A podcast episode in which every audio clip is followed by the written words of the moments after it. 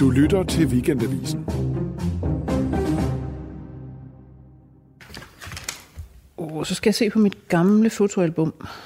Eller min, min families gamle fotoalbum. Med, øh, ja, det starter med, det starter med forældrenes bryllup. Ja. Oh, der er så meget af min far. Det må være, ja, jeg er cirka en uge gammel, vil jeg tro. Og øh, det er faktisk et meget, meget, meget fint billede. Det er fuldstændig ligesom man forestiller sig, at de fleste kunstnere fremstiller motivet mor og barn. Det er bare far og barn her. Altså, min far han står og holder mig i armene og kigger intens på mig og siger et eller andet, kan man se. Og jeg kigger intens tilbage og prøver at forstå, hvad, hvad bliver der sagt her, eller hvad der nu sker. Men, men det er sådan meget, øhm, man kan se, det er sådan en lille lukket boble, de her to er inde i. Det er sgu meget fint. Lone Frank er videnskabsjournalist på Weekendavisen. Hun har skrevet om alt fra genetik til psykisk sygdom. Stort set alle sider af den menneskelige eksistens. Men kærlighed har hun aldrig interesseret sig for. Det gør hun nu, for da hendes kæreste Morten døde for fire år siden, opdagede hun, da der ikke længere var nogen, som elskede hende. Det er virkelig få mennesker, jeg har knyttet mig rigtig tæt til i mit liv.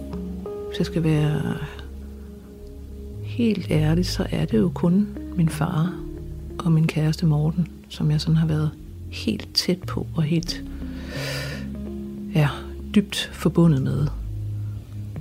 Og da de så begge to er døde og væk, så efterlader det jo ikke bare et utroligt dybt sort hul, men det efterlader også en, en underlig fornemmelse af, jeg må da hellere, jeg må da hellere kigge lidt på den her kærlighedsevne. Altså, hvordan kan det være så få mennesker, jeg har haft tæt forbindelse til?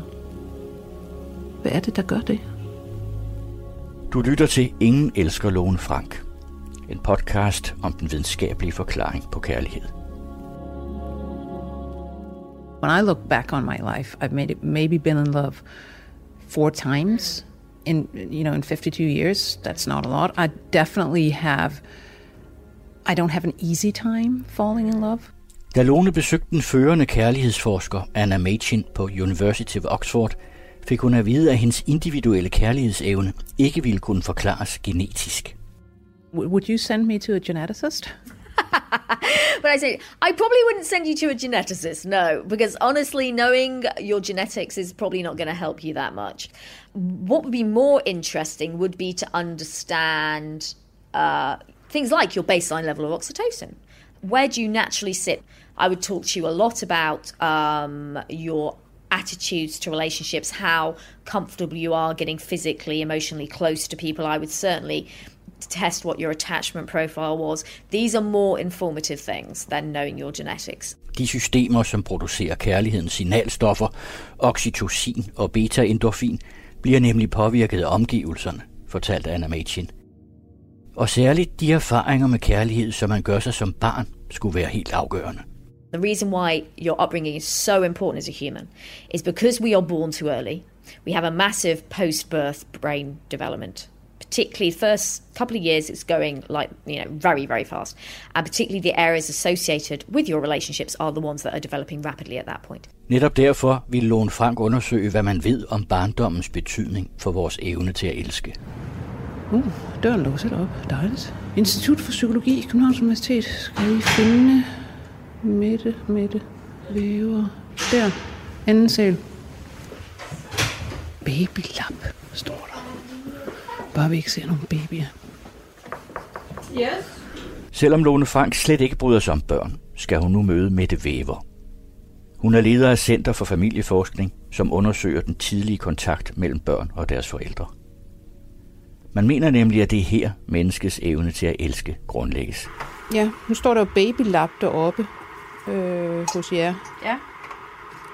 Men, men har I faktisk, altså har I faktisk babyer deroppe, når I laver forsøg? Er det, er det deroppe? Nej, det er faktisk lige nede i stueetagen, hvor du kom ind. Og der kan man sige, der har vi lavet øh, grundforskning i mange år i øh, tidlig udvikling, psykisk udvikling. Mm. hos øh, helt små børn og i interaktion med deres forældre, primært mødre. Mette Weber har altså studeret kontakten mellem mødre og deres babyer indgående. Men selvom de fleste forældre vil fortælle, at de aldrig har elsket nogen så højt, som de har elsket deres børn, så bruger Mette Weber ikke selv ordet kærlighed i sin forskning. Når vi forsker i tidlige relationer og tidlige relationers betydning, så er jeg ikke den videnskabsperson, der bruger begrebet kærlighed. Altså jeg, jeg, jeg taler meget gerne om kvaliteten af relationer, og jeg taler meget gerne om tryghed og utryghed. Men for mig er kærlighed, øh, i hvert fald i de videnskabelige sammenhæng, jeg bevæger mig i, og jeg har ikke læst nogen af de videnskabsfolk, der bruger begrebet kærlighed, så det vil jeg straks på forhånd sige, at kærlighed er for mig at se, jeg ved ikke, hvem der er lykkedes med at operationalisere det. Mette Væver synes altså, at det er uvidenskabeligt at bruge ordet kærlighed i forskningen, men det lyder påfaldende som nyforelskelse, når hun taler om det lille barns allerførste smil. Det der med, at man kigger hinanden ind i øjnene og smiler og føler indeni, yes, vi er sammen her. Altså, det hele lyser op. Der, hvor øh, forældrene får den der fornemmelse af, at nu, nu smiler han ikke bare til nogen, nu smiler han, fordi jeg er hans mor, og han synes, jeg er den fedeste. Man kunne næsten kalde barnets første smil for en overlevelsesstrategi. En nyfødt er nemlig fuldstændig afhængig af at vække sine forældres kærlighed. Det kan ikke selv tage en ekstra dyne på, eller det kan heller ikke selv kravle hen og finde noget mad. Eller der er virkelig brug for, at nogen hjælper det her barn til at overleve. Og derfor fødes det lille barn med det her repertoire af det, der hedder tilknytningsadfærd, hvor grådet selvfølgelig er helt centralt, men det er også at søge kontakten med øjnene. Det er, når barnet bliver lidt ældre, række armene ud. Det er også, hvis du tager et helt nyfødt spædbarn op, øh, og lægger det ind til øh, halsen, så vil du opleve, at barnet sådan mufler sig ned i den vinkel, der er mellem halsen og skulderen. Og det er også en måde, hvorpå barnet får aktiveret omsorgsmiljøet. Så det lille barn fødes med en meget, meget vigtig udviklingsopgave, der handler om, at det skal få vækket øh, dem, der er der til at passe på det. Og her er vi igen, og igen og igen og igen. Øh, jeg ligger på et lille lammehvidt tæppe på Børge Mogensens sofaen. Og min far han øh, sidder ved siden af, og igen siger tydeligvis et eller andet til mig. og jeg pluder formentlig tilbage, kan man se. Og det samme i, øh, her ligger jeg så i min vugge, pluder tilbage til min far, der sidder og siger noget til mig. det, er det er et meget gennemgående motiv i det her fotoalbum. Og her er så min mor, hun har så, kan jeg se, de ubehagelige opgaver. Hun, hun skal vaske mig ude i køkkenet, hvor jeg ligger og stiger på noget andet og ser lidt småsug ud. Og så skal hun rense mine ører med vatpinde. Hvilket jeg heller ikke specielt godt kan lide, kan man se. Så det, det, har, det har været en speciel arbejdsdeling, det der. øhm. og det fortsætter med far og barn, far og barn. Og mor igen, der går hjælpe med bader og pusler og vasker. Det er sjovt, det har jeg faktisk slet ikke tænkt på før, når jeg har set det her. Ja.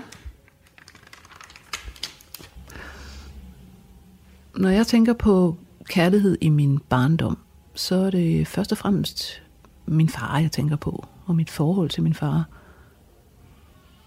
Jeg husker, at min, øh, min mor meget senere i livet øh, også sagde til mig, med sådan, jeg kunne godt høre, at det, altså, det brød hun sig egentlig ikke om, men, men hun sagde, at, jamen, at min far havde i virkeligheden taget mig på en eller anden måde fra hende som lille. Altså han var simpelthen så overvældet af, nu havde han fået det her herlige barn, som han bare synes var så dejligt. Og jeg tror, min mor må have følt sig meget udelukket.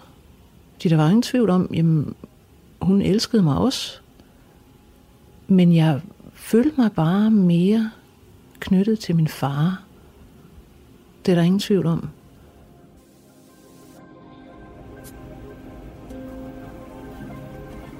Forsøgsprotokol nummer 2. Forsøg. Studie af tidlig tilknytning hos aber. Forsøgsobjekter. Nyfødte rhesusaber. Forsøgsopstilling. Nyfødte rhesusaber fjernes fra deres biologiske mødre og placeres i buer. Her er de alene med to forskellige surrogatmødre. Den ene er konstrueret af stoltråd, mens den anden er omvundet med blødt stof. Observationer Til trods for, at kun stoltrådsmoren leverer næring i form af mælk, vælger den lille abeunge at klynge sig til den bløde surrogatmor, undtagen når den tager føde til sig – i forsøg, hvor abeunger udelukkende har adgang til en surrogatmor af stoltråd, ses en stressreaktion i form af kroniske fordøjelsesproblemer. Resultat Abeungerne, som er vokset op med ikke levende surrogatmøder, udviser alle en stærkt afvigende adfærd. De er frygtsomme og bliver ikke senere i stand til at interagere på normal vis med andre aber, ligesom de senere i voksenlivet mangler yngelplejeinstinkt.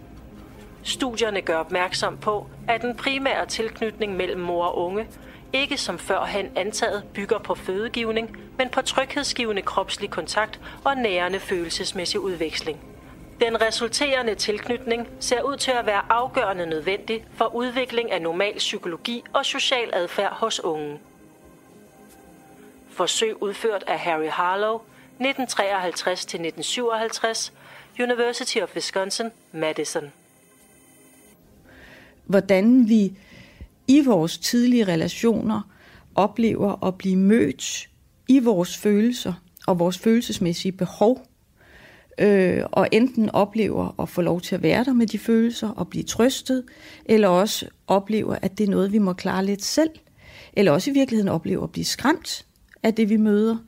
Øh, det er rigtig, rigtig vigtigt for det erfaringsgrundlag, vi gør os med følelser i nære relationer. Og i virkeligheden kan man sige, altså det værste, man kan gøre, hvis et barn er ked af det, er jo øh, at forlade det, eller overlade det til sig selv. Øh, altså det kan godt være, at man ikke kan trøste, så må man tage hørebøffer på og gå rundt med det og holde det ind til kroppen.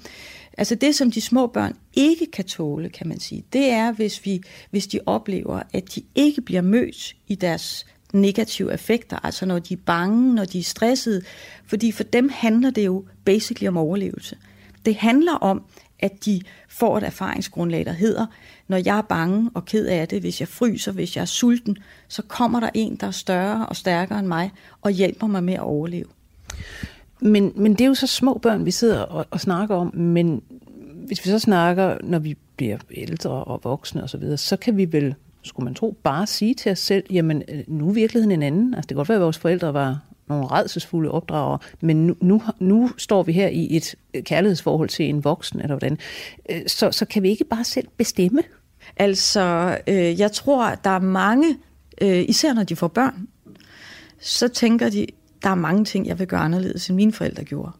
Og så kan man alligevel opdage, at man pludselig hører ens egen mor komme ud af øh, munden, ikke? Eller, altså, det, der er så interessant, synes jeg, med de her tidlige følelsesmæssige erfaringer, det er jo netop, hvordan de kommer til at blive skabeloner. Øh, og det, der er sådan, altså hvis de fungerer godt, så er det jo egentlig, øh, hvad skal man sige, så, så kommer vi ind i gode cirkler, der hele tiden åbner nye døre for os, og vi har tillid til andre mennesker ved os det godt, og vi vil gerne være i relationer. Men vi kan jo også meget ofte opdage, at vi bliver hængende i nogle mønstre, hvor vi hele tiden kommer til at aktivere det samme i omgivelserne, øh, selvom vi egentlig ikke vil. Så er vi så nået til U 1970, øh, og jeg er på vej til min første dag i børnehaven, kan jeg se. Øh, jeg har fået et spænde i håret, og en lille kjole på igen, desværre. Øh, og så mit røde tornyster, som jeg var meget, meget glad for, kan jeg huske. Og jeg var jo dødspændt på at komme hen i den børnehave. Men jeg husker også, at, at jeg opdagede, da jeg kom derhen, at det var meget anderledes, end jeg havde troet. Min far havde for eksempel fortalt mig, at, at selvfølgelig kunne man læse hen i børnehaven, og, og så derfor havde jeg også taget, jeg havde også taget nogle, nogle små af mine bøger med, og så gik jeg faktisk op til en af de der børnehavefrøkner og, og, og sagde, at, at jeg havde den her bog med, om jeg ikke skulle læse lidt for hende. og konen, hun stirrede jo på mig. Altså, så fandt jeg jo ud af, at, at de andre børn kunne ikke læse. Og de synes det var mærkeligt. She's got a smile and it seems to me Reminds me of childhood memories where everything was as fresh as the bluest sky.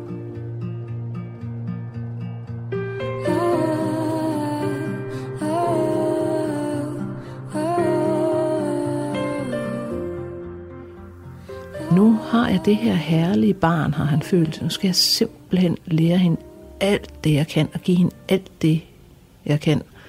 Øhm, jeg har altid haft en fornemmelse af, at det her var betingelsesløst, som man siger. Altså, jeg husker rigtig mange gange, min far sagde til mig sådan noget som, altså, du skal huske, der er jo ingenting, du kan gøre, der kan forstyrre vores forhold. Altså, jeg vil elske dig ligegyldigt, hvad du gør. Om du så slår nogen ihjel, så kom til mig, så skal vi nok ordne det på en eller anden måde. Så følelsen af, at, at, at det var egentlig, det var, ja, det var mig, han elskede, som jeg nu var, og ligegyldigt hvad jeg egentlig foretog mig, den var faktisk meget, meget stærk og meget gennemgående. Oh, sweet child of mine.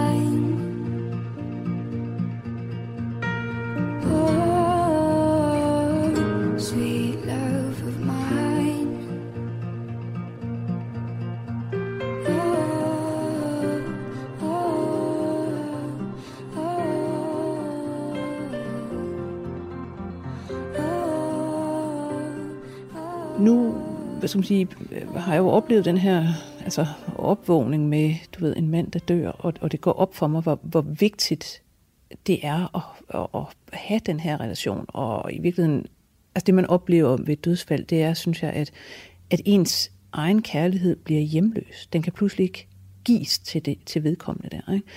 Mm. Men, men jeg forestiller mig, altså jeg, jeg synes måske, hvis jeg sådan, altså lige ser ud over mit liv, at jeg måske har haft, øh, altså også helt fra barns ben, har haft let nok ved, at jamen, jeg har fået frygtelig meget, øh, og har egentlig taget det for givet, altså, øh, og har heller aldrig tvivlet på øh, de kærester, jeg har haft, om de nu elsker mig, eller du ved, altså, det har jeg egentlig taget frygtelig meget for givet, mm.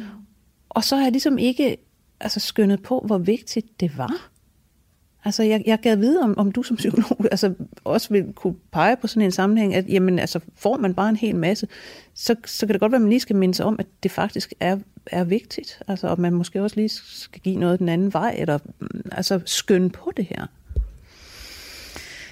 Øhm, altså nu, øh, jeg tror jo egentlig, det er godt at tage ting for givet. Jeg, det, det er aldrig, altså det er jo forfærdeligt, når noget bliver taget fra en, som man har taget for givet. Men jeg synes jo egentlig, det, altså, det at tage noget for givet, ligger meget i det med at være tryg. Altså det, at man sådan set synes lidt, den ret, man har. Altså, øh, jeg, jeg, jeg føler mig god nok til at blive elsket, og jeg er også god til at elske. Øh, men det er klart, jeg, altså, du, altså det, det, det ved jeg ikke, hvor videnskabeligt det, jeg siger, er nu, fordi det bliver jo sgu sådan lidt religiøst næsten, vil jeg sige. Fordi jeg tror, at vi alle sammen, basically, kunne blive bedre til at huske at værdsætte det, vi har. Ikke? Men når det kommer til lige præcis det der med at føle, om man er værd at elske, og, og ikke sætte spørgsmålstegn ved det, så synes jeg jo egentlig også, det er en gave, man skal værdsætte. Øh, fordi jeg tror egentlig, der er mange, der ikke har det sådan. Lone Frank har altså fået en gave. Hendes tilknytning er stærk og sund. Men hvorfor er det så svært for hende at blive forelsket? For at få svar på dette spørgsmål har Mette Weber foreslået Lone Frank at kontakte en psykoanalytiker. Og de ved jo en hel masse om, om det affektive, som hun siger, det følelsesmæssige. Ja, det gør de måske, tænker jeg. Nu er jeg jo ikke nogen stor ven af psykoanalysen, vil jeg sige. Altså, Freud var jo ikke videnskabsmand. Altså, han var tænker, han udviklede nogle idéer om, hvordan psyken hænger sammen. Det er der jo intet empirisk basis for. Mm. Men jeg tænker også, altså, lad os lad os prøve det. Altså, det kunne være interessant at se, hvad, hvad en psykoanalytiker ville sige, om det overhovedet er noget, jeg kan genkende.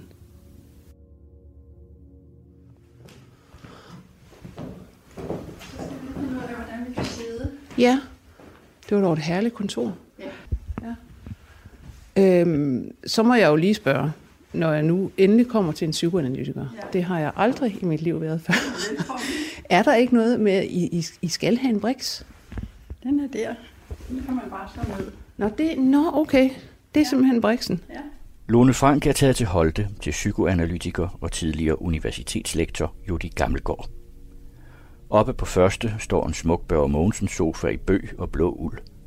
Her ligger hendes analysanter op til fire gange om ugen i år efter år. Vi skal være åben hver gang for det nye, der kan komme. Det er overraskelserne, vi sidder og venter på. Men lader I jer så øh, påvirke af, hvad der sker ude i verden? Altså, hvad, hvad man får at vide fra hjerneforskning, fra biokemi, fra alt muligt med hensyn til, hvad psyken er for en? Nej. Det var et meget kort og klart svar. Det kan, hvordan kan det være? Det, det, det kan da godt være, at vi har en nysgerrighed, og det har mange psykoanalytikere, og der er mange, der, der, der er jo, det ved du jo også, at der er et, et samarbejde, et stort internationalt samarbejde mellem øh, neuropsykologi, neuroscience og, og psykoanalyse. Men i den analytiske situation, der, der er det uvidkommende. I modsætning til psykologen Mette Wever, vil psykoanalytikeren Judy Gammelgaard gerne tale om kærlighed som begreb. Men hun er enig med Mette Weber i, at vores måde at elske på bliver grundlagt i barndommen. Kærligheden har også sit udspring for os alle sammen i vores forhold til vores forældre. Og øh, det er sådan, at øh, når vi søger det, vi selv mangler, og når vi giver kærlighed ud af det, vi mangler, så bliver vi tiltrukket af den person, i omgivelserne, som vi forventer har en forestilling om, kan give os lige præcis det. Og der tager vi mønstrene fra far og mor øh, med os. Der er ingen tvivl om, at, at min øh, kærlighed, måske især til min far, har banet vejen for, at det er en bestemt type mænd og ikke andre. Jeg tænker, han kan give mig det. Min far gav mig det jo, men kun sådan til dels. Jeg vil have det hele. Her må jeg, her må jeg simpelthen bryde altså, jamen det, det, ja, det, det lyder jo meget, meget, meget, meget, meget freudiansk det der. Ikke? Når jeg så kigger tilbage på mit liv, jeg har aldrig nogensinde fundet nogen, der lignede min far. Altså, min far var øh, et dejligt menneske. Jeg elskede ham virkelig, virkelig højt, men jeg leder ikke efter nogen, der er lige sådan. Det vil jeg ikke sige. Altså, Og jeg vil også sige, at jeg har heller ikke mødt nogen af de der mænd, der gerne vil have en mor. Det har jeg virkelig ikke. Nej, så læg dig ned på Brixen, Lone, og lad os undersøge det nærmere. Judy Gammelgaard har på forhånd sagt, at det vil være uetisk at lave en egentlig psykoanalyse af Lone Frank. Men hun vil godt forholde sig overordnet til Lones kærlighedsliv. Jeg tør godt sige, at, øh, øh at jeg kan finde spor af din far i den måde, du nærmer dig mænd på. Men det er ikke noget med at ligner. Nej, det ligger ikke der. Det ligger måske mere i nogle, nogle, øh, nogle ubevidste skuffelser, nogle ubevidste fantasier, og først og fremmest ligger det i det, din far har gjort dig til som pige og kvinde. Når jeg tænker over det, så er jeg faktisk altså nærmest opdraget af min far. Mm-hmm. Altså han, han tog sig af mig som helt lille, og, og var egentlig den, der, jamen, der, der opdrog mig, og, øh, og jeg bevarede det der meget, meget tætte forhold til ham øh, altid. Er det noget, der, der, der gør noget særligt i, øh, i kvinders og pigers liv? Ja, i høj grad. Altså, det er lige så, lige så meget, som, som moren gør det, men faren gør det på en anden måde, og i forhold til sin lille datter, øh, jo givetvis også på en helt anden måde end i forhold til sin lille søn. Nu ved jeg ikke, om du har brødre, så du kan sammenligne. Men, øh, men uden at kende dig overhovedet, og det er heller ikke det, vi skal komme ind på, så vil jeg sige, at der kan være øh, øh, mange udveje af det her. Men lad mig hæfte mig ved to, som jeg øh, kunne forestille mig at en lille pige, der, der, øh, der er meget knyttet til sin far, elsker sin far, beundrer sin far, og bliver beundret af sin far, bliver opdraget af sin far, som du siger, kan jo meget nemt gå hen og binde sig så meget til far, at øh, det kan forhindre hende i at blive forelsket i andre mænd. Hmm. Så far kan være en, en indre barriere.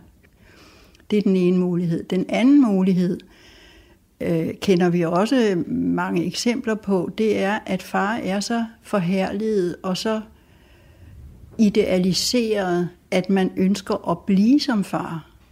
Og nu er det jo kvinders, øh, hvad skal man sige, naturlige udviklingsproces at identificere sig med mor på vej til at blive kvinde. Men nogle piger, som er meget bundet til deres øh, far, øh, kan foretage det valg. Og det kan så føre til enten, at de bliver homoseksuelle, eller at øh, de bliver meget maskuline kvinder, eller måske mindre udtalt maskuline, men, men meget sådan stræbsomme, meget karriereorienterede, meget sådan maskuline, kan man sige, uden at det betyder andet end, at de har power, og de er, mm, de er sådan øh, Athene med brynje og sprunget ud af Søvses pande, ikke? Agtig. Det er sjovt, det der billede, det brugte min far ret tit, faktisk. Om Athene? Præcis. Så du var sprunget ud af din fars pande. Men det passer jo meget godt, Lone, med, at han har opdraget sig dig i sin ånd. Du er sprunget lige ud af hjernen på ham, og derfor valgt at blive hjerneforsker. Ja, nu synes jeg, at den her terapisession, den må være forbi. Der må være gået en time. Jeg tror, vi skal hjem.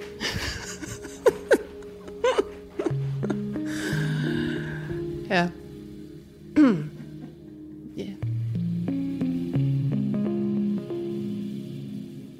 I næste afsnit fortsætter Lone Frank sin søgen efter en videnskabelig forklaring på kærligheden. Og vi hører om hendes livs største forelskelse, en mand, som ikke var Morten, men en islandsk halvgud. Altså, han var næsten to meter høj. Meget sådan... Altså, han ligner sådan en klassisk viking. Altså, han ligner simpelthen forestillingen om en viking. Og, du ved, Armani jakkesæt. Og, og så er han bare mega begavet. Altså, ja, han er sgu lidt af et pragteksemplar. Du har lyttet til Ingen elsker Lone Frank. Andet afsnit. Optagelse Lone Frank og Johanne Mygin. Tilrettelæggelse Lone Frank, Johanne Mygin og Kim G. Hansen. Redigering og mix Kim G. Hansen. Indtaling Carsten Farov. Musik System og Jasmine Thompson. She's got a smile and it seems to me reminds me of childhood memories where everything was as fresh as the bluest sky. Now and then when I see her face, she takes me away to that special place. And if I'd stayed too long, I'd probably break down and cry.